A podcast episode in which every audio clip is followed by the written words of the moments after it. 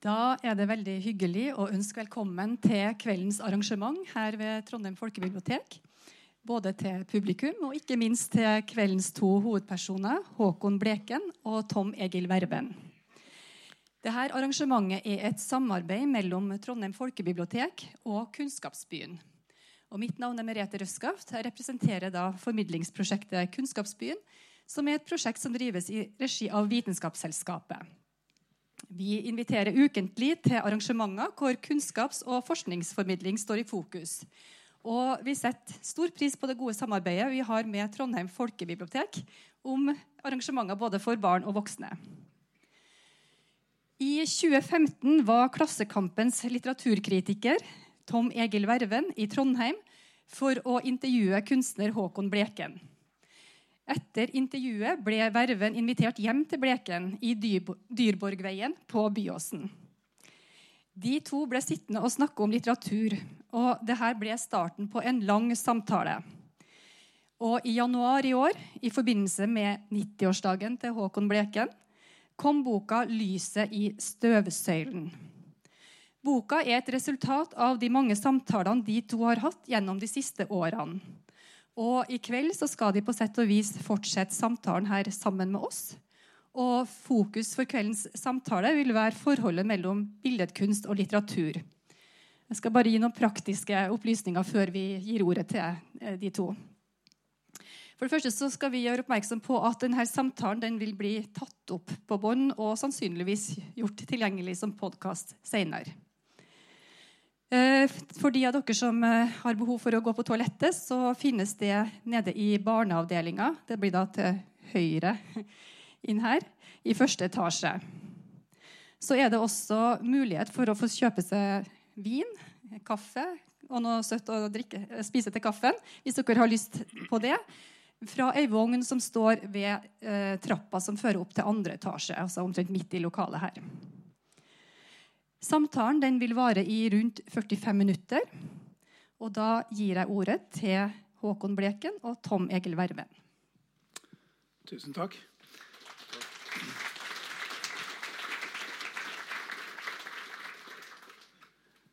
Etter samtalen så vil det også bli mulighet for å kjøpe boka og få den signert eh, der borte. så vidt jeg vet. Der ser dere altså boka. Og dere ser bilden, noen av bildene som eh, Håkon Bleken har laget, som finnes her i biblioteket. Og på den andre siden så har biblioteket funnet fram ganske mange av de bøkene som enten Håkon Bleken har bidratt til og, og illustrert, eller på andre måter kommentert. Eh, og bøker som vi snakker om i boka. Um, i Adressa i dag så står det en artikkel om Rita Ottevik. og Hun tenker jeg at vi skal komme tilbake til. Men, men jeg har lyst til å begynne et helt annet sted.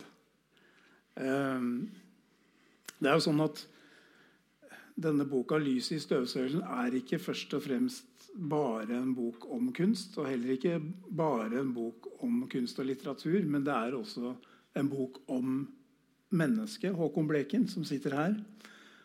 Jeg har lyst til, som uh, Merete Røskaft antydet, så, så, er dette en samtale som på en måte ikke tar slutt. Når jeg satt på toget i dag og var nærmet meg Lillehammer, så ringer Håkon Bleken. Har du lest den siste boka til Ferdinand von Chirac? Chirac ja. spurte han. Straff heter den. Nei, sa jeg. Jobben min er å lese bøker, men det har jo skjedd flere ganger disse snart fire årene at Håkon har ringt meg, og han har lest bøker fortere enn jeg rekker å, å lese dem. Ja, det er helt sant. Det gjelder f.eks. også en bok som står der borte. Uh, Peter Normann Våges uh, biografi om André Bjerke. Som jeg nærmest ble tvunget til å lese. Uh, og jeg har lyst til, før vi går videre, også å si at da når jeg kom fram i dag, så ville Håkon med en gang gjerne treffes og gå på Galleri Ismene. Det var for så vidt jeg som ville dit, men han ville være med. Og Der er det en utstilling med de siste ti årenes eh, grafikkproduksjon. Det er eh, Per Høyem som har laget to bøker om Håkons grafikkproduksjon tidligere. Eh, og nå er han kommet opp i snart 600 verker. Denne boka inneholder bare de siste ti årene og det er 100 nye verker. Jeg sier dette for å illustrere at han som sitter her, han hviler ikke på sine laurbær. Nei, det har jeg laget noe aforisme om. Ja, Jeg, jeg hviler ikke på mine laurbær, for de stikker sånn. ja jeg tenkte jeg skulle høre altså, fordi Det verste var at når, du, når jeg kom hit i dag, så sa du ja, jeg var forresten i Oslo i går. Ja, stemmer det. Ja, hvorfor, hvorfor i all verden drar du på dagstur til Oslo? Hvorfor jeg var i Oslo? Ja, Du var jo helt utslitt etter 90-årsdagen. Hvorfor tar du det ikke med ro? Jo, riktig, men, eh, jo, men jeg har kommet meg litt, altså. eh, Jeg var i Oslo for å se en utstilling av P. Krogh, som jeg varmt vil anbefale. Det er en fantastisk god utstilling. Som jeg har sagt, eh, hvis, jeg, hvis det er tre, tre kunstnere som har betydd kanskje mest for meg, så er det Picasso, Bacon og P. Krogh. Hvorfor setter du Per Krogh så høyt? Fordi, han er en, eh, en formal kunstner som legger hovedvekten på det maleriske og, og, og konstruktive og formale verdiene i, i, i bildet. Lært mye av kubismen. Og fordi han i tillegg faktisk er i stand til å fortelle historier. Han kan fortelle, han forteller ganske mye i, men, og, og, og, og greier å formidle det i et malerisk formspråk. Altså, det, er ikke, det, er, det er blitt en opplevelse, ikke en påstand. Så han er en, eh, en fin kolorist og alt mulig. Er sønn av Christian Krogh. En av de siste turene vi gjorde i Oslo før jul, var jo å gå opp i rådhuset og se det rommet. Altså Ja, vi gikk jo sammen. Ja, Ja, det er et fantastisk rom, så det anbefales også. ja, ja fantastisk. Rådhusdekorasjonene er i det hele tatt ganske gode. altså. Mildest talt. Det som vi har gjort i løpet av disse fire årene, er å se en del kunst sammen på den måten. Og, og ikke minst se Håkon Blekens egen kunst, da, som er, eh, finnes rundt i Trondheim. I Gråmølna, i Kunstmuseet, i Sparebankbygget. I inngangen til Tyholttårnet er det faktisk en, eh, en metall... eh, hva kaller du det? Et relieff? Nei. Ja, ja, man kan godt kalle det. Det ligner på det som er på, ja, det ligner på det gitteret som er i, i Sparebanken. Ja. Ja. Nei, og vi har sett altså Trøndelag Teater, der finnes det kunst. St. Olavs Hospital, eh, Hotell Britannia. Var det enorme mengder før de stengte for å pusse opp. Så jeg er spent på hvor mye som kommer opp igjen etterpå. Eh, vi har sett på Svartlamoen, det kjente bydelen som ble bevart takket være Bleken og Gullvåg. Vi har sett på Strindheim kirke, og vi har ikke minst sett på Korsveien som kom til Nidarosdomen. Eh, jeg tenker Det som, som, eh, som vi vet skal skje nå snart, det er jo at utstillingen som du har på eh, Henny Onsdag kunstsenter i Bærum, den skal flyttes til Trondheim kunstmuseum. Ja. Og den har en tittel som på en måte stemmer med din livsførsel. 'Do not go gentle'. På hvilken måte? Trå ikke varsomt. Ja, ja, ja, do not go gentle', ja. ja. Men eh, Hvorfor valgte du den tittelen? Jo, fordi det er et eh, fantastisk fint dikt av, av Dylan Thomas, og fordi det er en sånn protestdikt mot døden. Og det er jo en ganske ålreit holdning overfor døden å protestere mot den. Så eh, Rage, rage against the rage, dying of rage the against the dying of the light. ja. rase mot at lyset avtar. ja. Ja. det, er jo skrevet i forbindelse med faren som lå for døden. Og, og jeg har man kan få, jeg har den, Han leser det selv på en sånn plate, og det er veldig flott. altså. Veldig flott dikt. Derfor hva det vi kaller Do Not Go Gentle. fordi at når man er 90 år, så er det jo neste stasjon døden omtrent. Da, da kan jo passe. Den utstillingen starter jo med bilder som du malte på slutten av 40-tallet. Ja. Hvorfor i all verden begynte du? Ja, og som Arne Næss sa, han ble spurt om hvordan han begynte å klatre. Det er ikke jeg som begynte, så det det er de andre som har slutta. Og eh, sånn er det jo med meg, og jeg fortsatte jo å male. Så eh, Altså det vil si, Du mener at du bare begynte som barn? og du, du jeg bare begynte som barn og fortsatte. For det, det, ja, det, det var jo ganske, ganske bra ting jeg laget som barn òg, faktisk. Som, som f.eks. den tegneserien som var vist i, uka, i Ukadressen, nettopp 'Grå tom'. og Alt det der, det er barnslige saker, men er ikke, ikke så dårlig. Det var en veldig bra tegneserie, syns jeg. Ja, jeg syns også det er ganske morsomt. Litt à la Fantomet. Ja, ja, det var Fantomet som var idealet. Men hvis vi, hvis vi ser på den boka som du har bidratt til at vi har laget sammen, så har den en litt rar tittel. 'Lyset i støvsøylen'. Og så var Tittelen på boka som vi har fått til sammen, heter 'Lyset i støvsøylen'. ja, Og den, Det bygger altså på en aforisme som du har med i en av aforismebøkene dine. ja, det er riktig. Fargen vinner i verdi hvis den forestiller noe, slik lyset viser seg tydeligst i støvsøylen. Ja, ja, det, Hva mener du med det? Nei, altså Egentlig så henspiller den aforismen på, på ikke bare ett bilde, men kanskje flere bilder av en dansk maler som heter Hammershaug. Som, som, som hadde veldig flott maler. altså som malte sånn diskré, stille, tause rom og ikke, ikke noe menneske, i hvert fall svært lite. Og Der går det av og til en lyssøyle gjennom rommet. Da, da ser man på en måte den ganske tydelig. Altså, og nettopp da pga. de konkrete partiklene som ligger i lufta. Så, sånne ting er veldig flott gjort. da, Poetisk og også malerisk. Tenker du også på at mennesket skal bli til støv? Nei, det tenker jeg ikke på. Nei, nei jeg tenker ikke på Jeg tenker i det tatt ikke på sånne ting noe særlig mye. Nei, samtidig Øyvind Storm Bjerke, som, som skrev katalogteksten til Do Not Go Gentle, han sier jo at det er én bok som skiller seg ut fra alle de andre, og som er den du refererer aller mest til, og det er Bibelen. Ja, Det er jo fordi at jeg har fått, uh, fått uh, ja, flere. For det første har jeg fått flere oppgaver i kirker. og, og, og da er det er jo fint å ha en bibel, for det er mange, massevis av, av scener i Bibelen som absolutt er dramatiske og, og taler, til, taler til en billedkunstner. Det er den første grunnen. Og den andre grunnen er jo, er jo øh, at det er jo, det er jo ganske viktige saker, da, det som står i Bibelen. Ja, Det er såpass viktig at du alltid har den liggende på stuebordet. legger jeg merke til. Ja, Det er for, for å gi gjestene inntrykk av det. Skremme dem litt. ja, Du da skal kjenne Men du har jo i tillegg da, så har du gjerne altså Det er to bøker som også alltid er i nærheten. Det er en biografi av Moskva Wild, ja. og så er det Sjostakovitsj Ja, måneder. ja, begge to er jo, det er jo fantastisk at du nevner dette. Altså, for begge to er jo, er jo strålende kunstnere. Selvfølgelig totalt forskjellige. Men begge to jo, vet jo hva lidelse er, og kanskje i særdeleshet Oscar Wilde, som, eh, som havna i fengsel pga. sin homoseksualitet og døde et par år etterpå. Altså den måten Oscar Wilde han er på mange måter synes jeg, et, et ideal, fordi at han tar tingene på en på, på en virkelig nobel måte. Altså han, han, er, han er elegant også i lidelsen. Og, og hans dødsreplikk er jo, er jo helt eh, fantastisk. Når Man tenker på hva folk kan si når de, når de holder på å dø. Da hadde Oskar noen, noen venner da, på det påvre hotellrommet som han bodde i i Paris.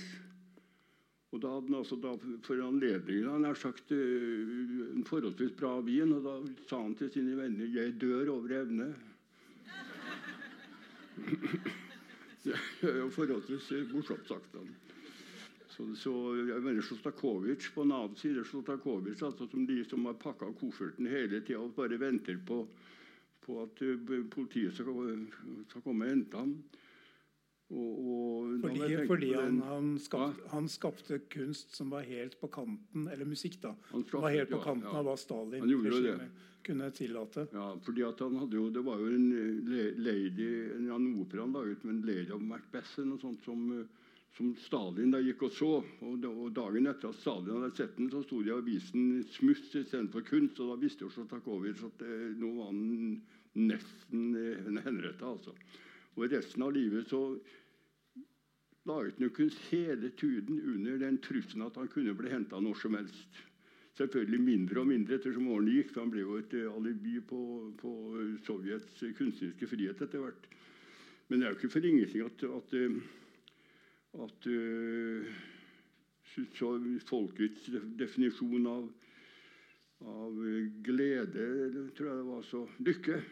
Det var å høre et skritt som gikk av gangen, og som da gikk forbi etasjen og gikk fortsatt videre.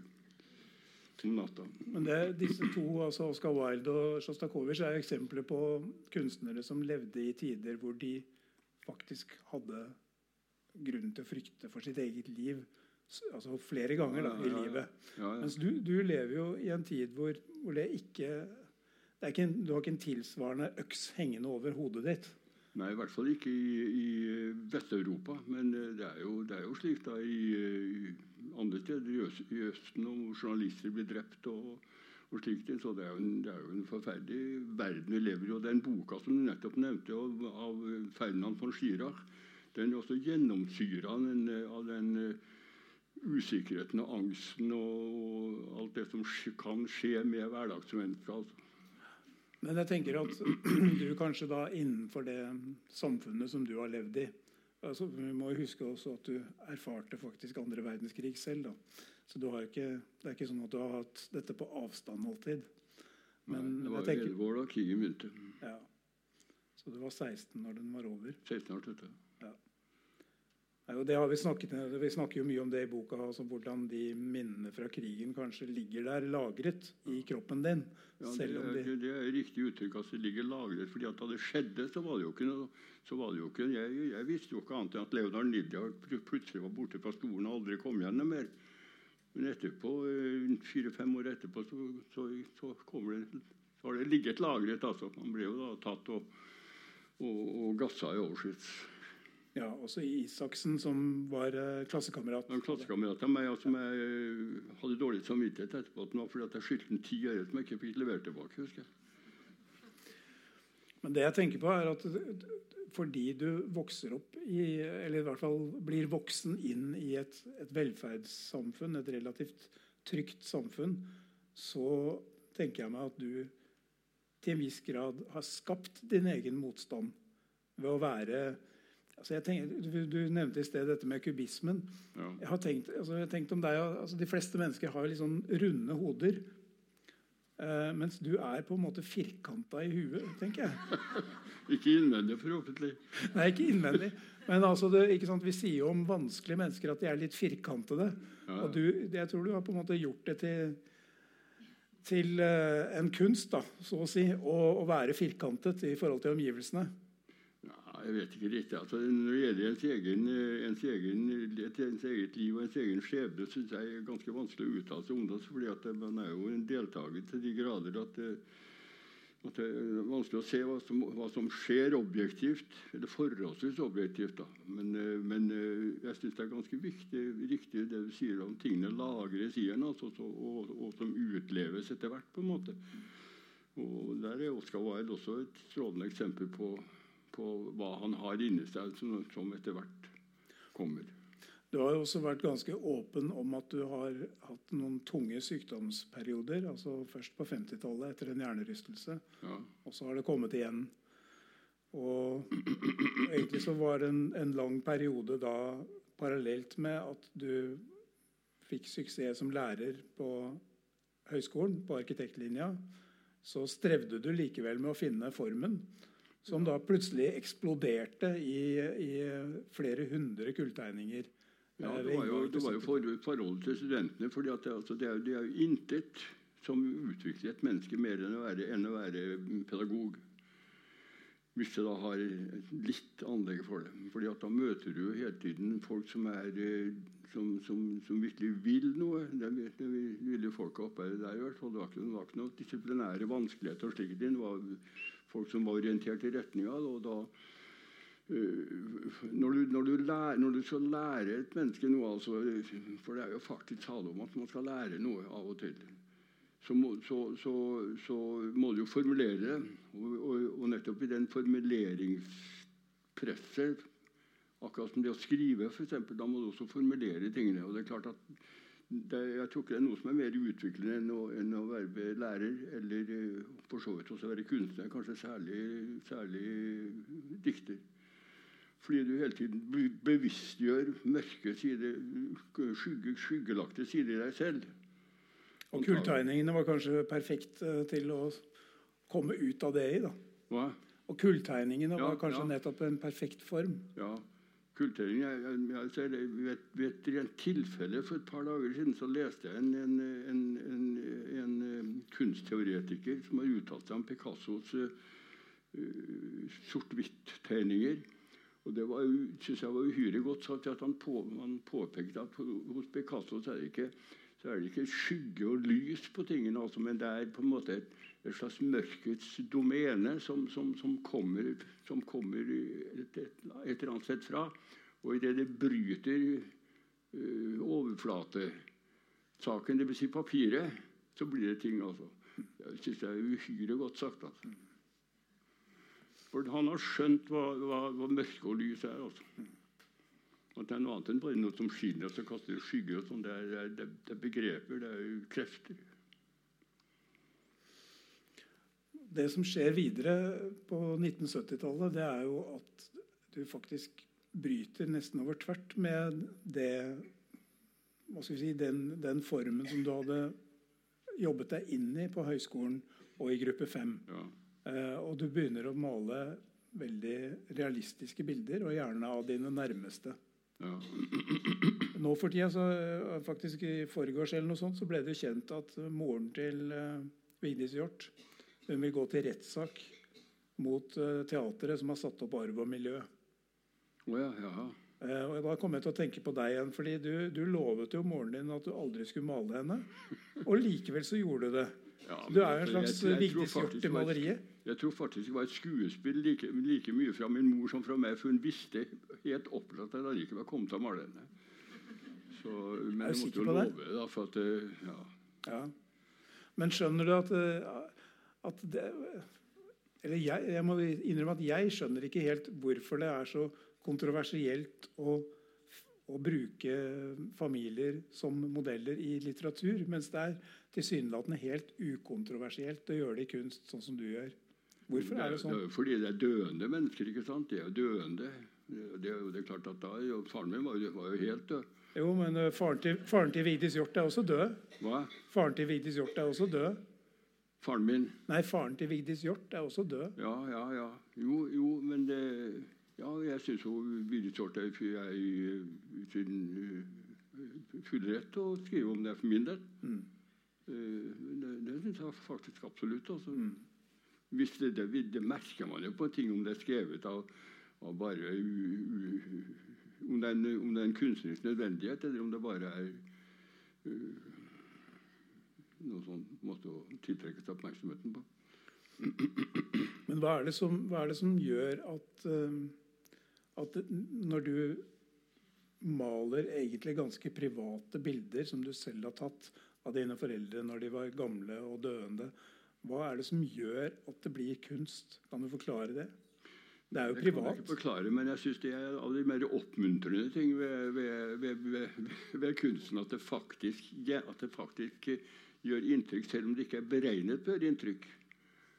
Selv om det, det, man maler jo ikke bilder for for å gjøre inntrykk på folk, men man maler jo bilder bare for, for sin egen skyld. Og ikke noe som helst annet. Mm. Men, men altså det generelle som ligger i, i, i det å, å gjøre kaos til form, det, det må jo da tydeligvis være noe som tiltaler de fleste mennesker, som engasjerer de fleste mennesker. For de blir jo engasjert av det. Ja, det er jo en, eh, når, jeg, når jeg skulle skrive noen ord til 90-årsdagen din, så fant jeg ut at Aristoteles hadde sagt noe om dette. Altså at kunsten kan faktisk være å gi seg selv til seg selv. ja. Og i det så viderebringer man noe som er allmenngyldig. Ja, Altså. det, synes jeg, Det er så, så godt sagt, syns jeg. Ja. For det er, det er helt klart at det, er, at det er, viser at det er allmenngyldig. Altså. Hvis, hvis folk eh, ikke blir tyrannisert med diktatur og slike ting. Altså. Ja. Samtidig så har du jo du har fortalt om et, eh, at du hadde et, et veldig problematisk forhold til faren din. Og du opplevde det også problematisk å eh, altså, hva skal man si, leve på dem da, på slutten av 50-tallet, når du var, var dårlig. Og Ja, jeg tror de fleste mennesker øh, Hvis vi skal være ærlige, så tror jeg de fleste mennesker, i hvert fall svært mange, har skyldfølelse overfor sine foreldre. Uh, og det hadde, i hvert fall jeg, for jeg, jeg ble jo, var jo sjuk da, og det var sikkert en stor plage for dem og slike ting. Og, så det var jo ganske oppofrende sånn sett. så opp. Så jeg har jo, har, kan jo takke mine foreldre for ganske mye. Ja, De stilte opp for deg også ved å kjøpe leilighet til deg i Mollebakken? Ja, eksempel. For i Vollabakken. Flott leilighet. Ja, ja. En, en, interessant ting der da, det er jo at uh, vi, vi, har jo lest en del altså, uh, Ikke bare om André Bjerke eller om Alf Larsen eller andre som, som, du har interessert deg for, men vi har også le, eller du hadde lest Dag Solstad før vi traff hverandre. Og så har vi fortsatt å lese Dag Solstad sammen. Ja. Og En ganske morsom ting der er jo at uh, Solstad i sin debutbok fra 1965 så skriver han en novelle som heter 'Invaliden'. Og den handler om en som minnet meg veldig om Håkon Bleken når han var ung student. Eh, han, han, er veldig ivrig, denne studenten. Han legger seg i senga og vil lese. Han vil ikke bli forstyrret. Og han eh, er alene i huset sammen med moren sin, som kommer og steller for ham. Og så lager han eh, til og med en sånn konstruksjon med tråder rundt i rommet som gjør at han kan dra i de trådene, og så detter bøkene bare ned i fanget på han, så han slipper å gjøre noe som helst. Så blir han servert da, av moren. Eh, men eh, boka er, egentlig litt sånn eh, drømmeaktig, for det, dette er jo ikke helt realisme. Og på slutten av, novellen så tilkaller moren en lege, som kommer da og etter grundige undersøkelser kommer med diagnosen at han faktisk er lam. Han er invalid, denne studenten. Ja, ja, det, det, ja, det, det, er morsomt. Som uhyre morsomt. Ja, det, det, underlige er jo at det ligner sånn på den historien du forteller om din egen sykdomsperiode. At du faktisk ikke skjønte hvorfor du ikke reiste deg fra senga. Ja, ja det, jo, jo, det kan jo minne litt om det. Jeg er enig i det. Men, eh, men, men er jo, er jo, det, er jo, ganske vanskelig å ja, og bli klar over hva slike ting egentlig er. fordi at Du kan jo legge inn et hvilket som helst Jeg havna jo på nerveklinikk til slutt. og Du kan jo legge inn et hvilket som helst menneske på nerveklinikk, og du vil jo alltid finne et eller annet som er gærent med deg. Så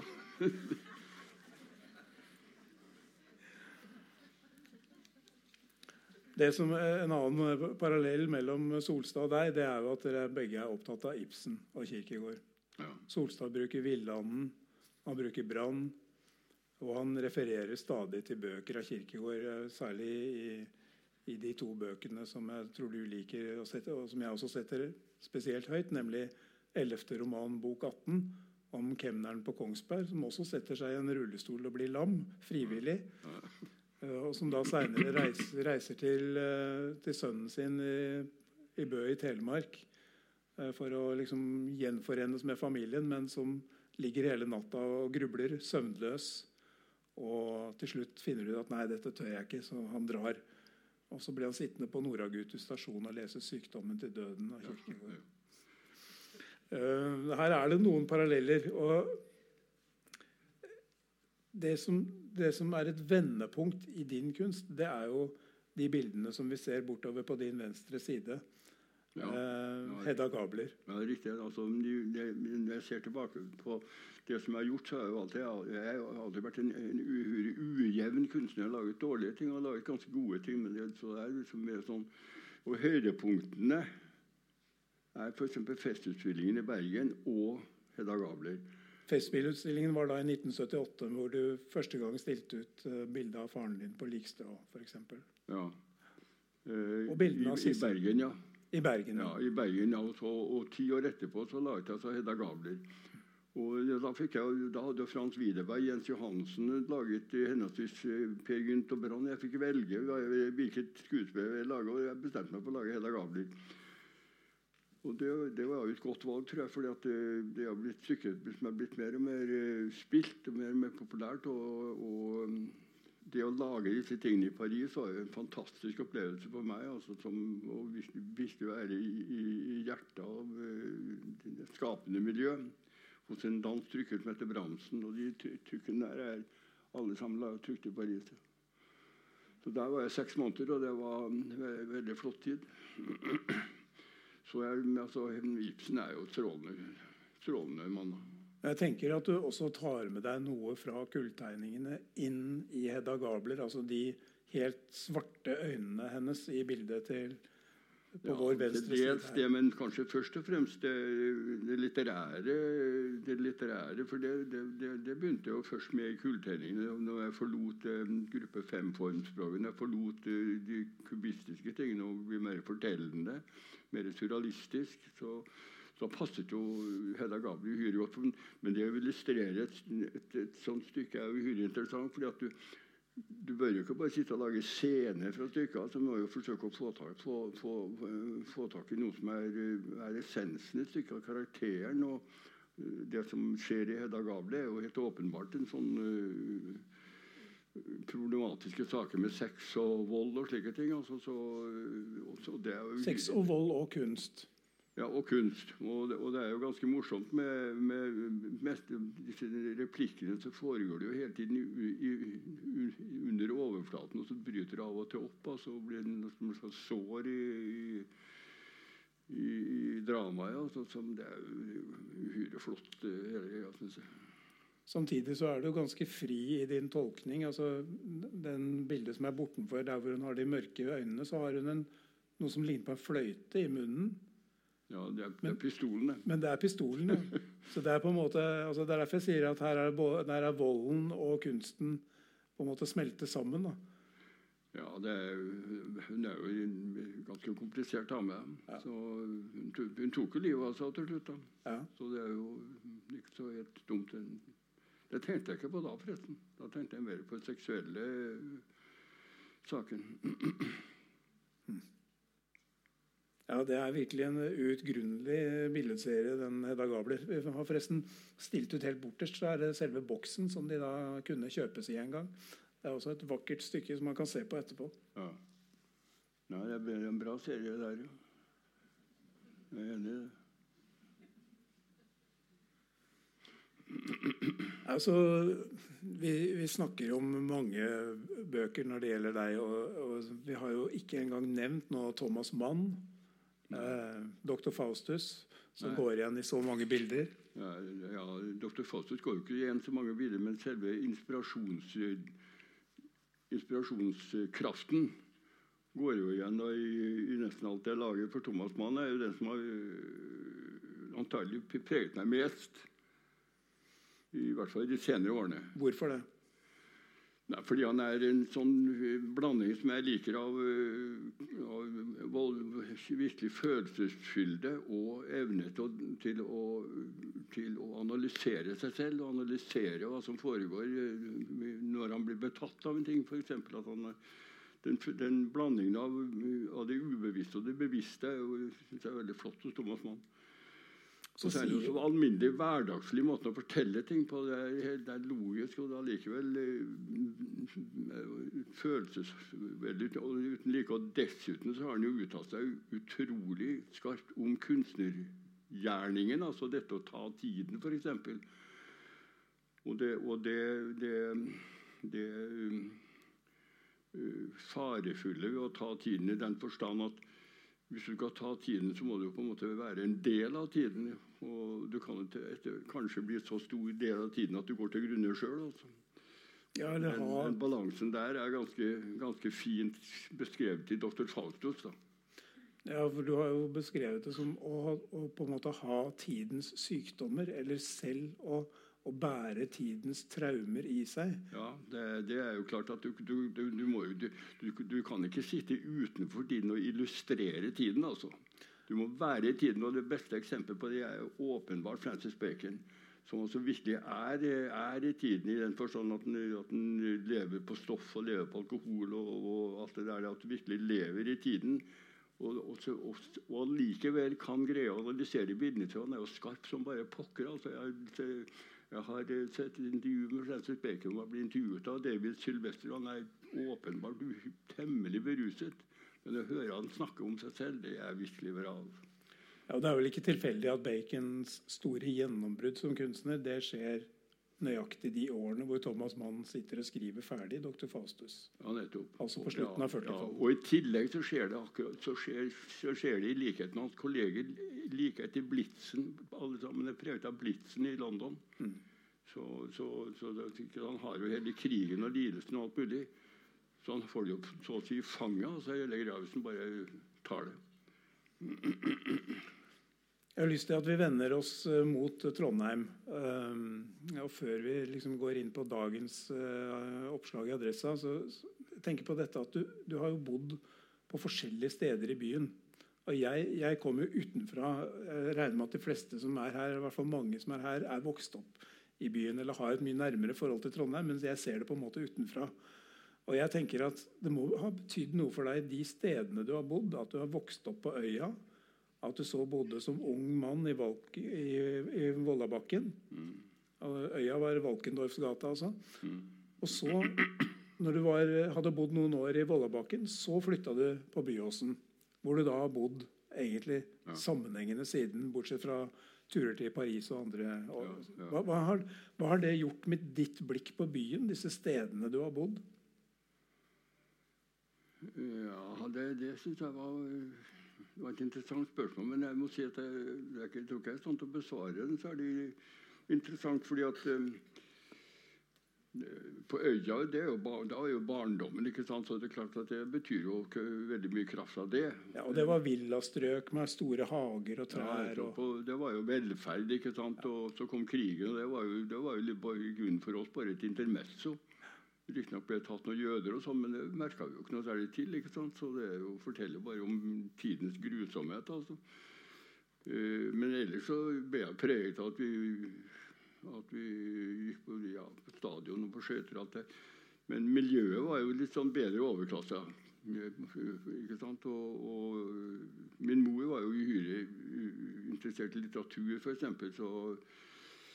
Så så, jeg lærte mye av henne sånn sett. Men, men stedet ikke, de har ikke preget meg særlig mye, de stedene der. Det, det tror jeg faktisk har. Nei, ikke... Jeg må svare på det at det, det har i grunnen ikke preget meg. Det som har preget tenk... meg, er de tingene jeg har tenkt. Ja, jeg, jeg skjønner det. og jeg, jeg tror, Det er jo mye riktig i det, åpenbart, fordi du tenker jo gjennom litteratur. Men jeg vil insistere litt på at selve bybildet Trondheim det finnes i så utrolig mange bilder som du har laget. Altså Fruekirka ja. er jo rett bak deg. Dette... Helt enig med deg. Det, det, har preget meg. Men det, men det, er ikke ting fordi, at, meg fordi jeg har vært der, men fordi jeg har opplevd forskjellige scener.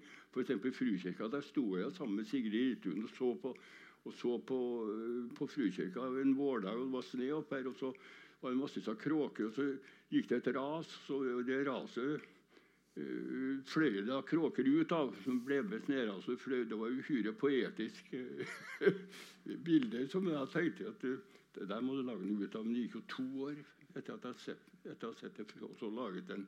den det ble jo innkjøpt Nasjonalgalleriet. Det, det, det, har jeg massevis av Det der har selvfølgelig preget meg. Uh, uh, akkurat slike scener som der. det er jo klart det, og Når du ser byen fra der jeg bor, så, kan, så må du jo, må du jo bare konstatere at det er en ganske vakker by. altså. Må... Ja, og jeg, jeg, legger merke til at den, det man vil kalle skyline, da, eh, altså to toppen av hustakene, de, ja. den linjen den finnes igjen i så utrolig mange bilder du har laget. Ofte bare så vidt antydet, men, men domkirketårnet, da. Ja da. Ja, det er. Som er sånn, ja, ikke sant? Men det, jo, det, det, man, man, bruker det man har, ikke sant? Ja, ja. Ja, jeg skjønner det. Nei, men det som, det som har slått meg, er at uh, du, er, du, er, jo kjent for å være en hard polemiker og en som refser uh, lederskapet i denne byen. Og det er jo ikke noe du har begynt med uh, nå i 2015, 16, 17, 18, 19. Det er noe, når vi går tilbake og ser på dine egne avisutklipp, så ser vi at dette har du drevet med siden 60-70-tallet. Mm. Men jeg tenker at det er også en drivkraft i dette som ikke bare er kritikeren og polemikeren Bleken, men det er faktisk en som er veldig glad i byen sin. Sånn jeg forstår det. Og det er ja, det jeg også syns jeg ser i bildene. Ja, det tror jeg du har rett i. Det, det er klart, det. det, det er jo det, det er ganske mye, mye, flott ved Trondheim. Helt opptatt, dessverre mye som er ødelagt. Altså, men, men, jeg er helt enig med at det Man står jo, man står jo ofte i sånn hat-kjærlighet for men egentlig så, så er, jo, er, jo, det vesentlige ved, ved, ved, det å leve uten at du, at du tar tingene At du tenker ting ut fra det du opplever, som også da blir sterkt personlige. Men det, men det, blir jo personlig også pga. ting man har opplevd med, med, familie og med kamerater, med venner og kjærlighet og alt det sånne ting. Og dette har du jo beskrevet i en del av dine egne spalter i Adressa. I, I, tillegg så har vi jo lest boka som moren din ga ut i 1978, som heter 'Min barndoms by'. Ja. Som var en veldig artig bok å lese. ja, jeg synes også det er morsomt. Som, eh, som bygger på avisartikler som sto bl.a. i Arbeideravisa. Ja, Arbeideravisa. Eh, men den, den, boka beskriver ikke bare din mors eh, barndom. Den beskriver hennes mormor, hennes mor, ja, ja. og den beskriver jo deg. Du heter da Mons. Ja, stemmer det. Og er en litt ja, Jeg vil kalle det nesten litt ufordragelig gutt. I hvert fall veldig viljesterk. Ja, det var jeg sikkert. Og det er jo sånn... Du hadde en ufordragelig far òg. Men ikke, ikke, ikke, mer ufordragelig enn at når du skulle konfirmere deg, så ville du gjerne ha hatten hans på hodet. Ja, men det ville Alle ville gjerne ha kappa av hatten der, til sine fedre. Under krigen så hadde vi sånn fiskeskinnsko. Eller, ja. Men det morsomme med den boka er at moren din beskriver så levende den sorgen hun selv opplevde når hun flyttet fra øya i, 20, i 1911. Ja, ja, ja. Altså for 108 år siden. Så ble hun nærmest tvangsflyttet. da. Eh, det, vil si, det var faren som fikk ny jobb.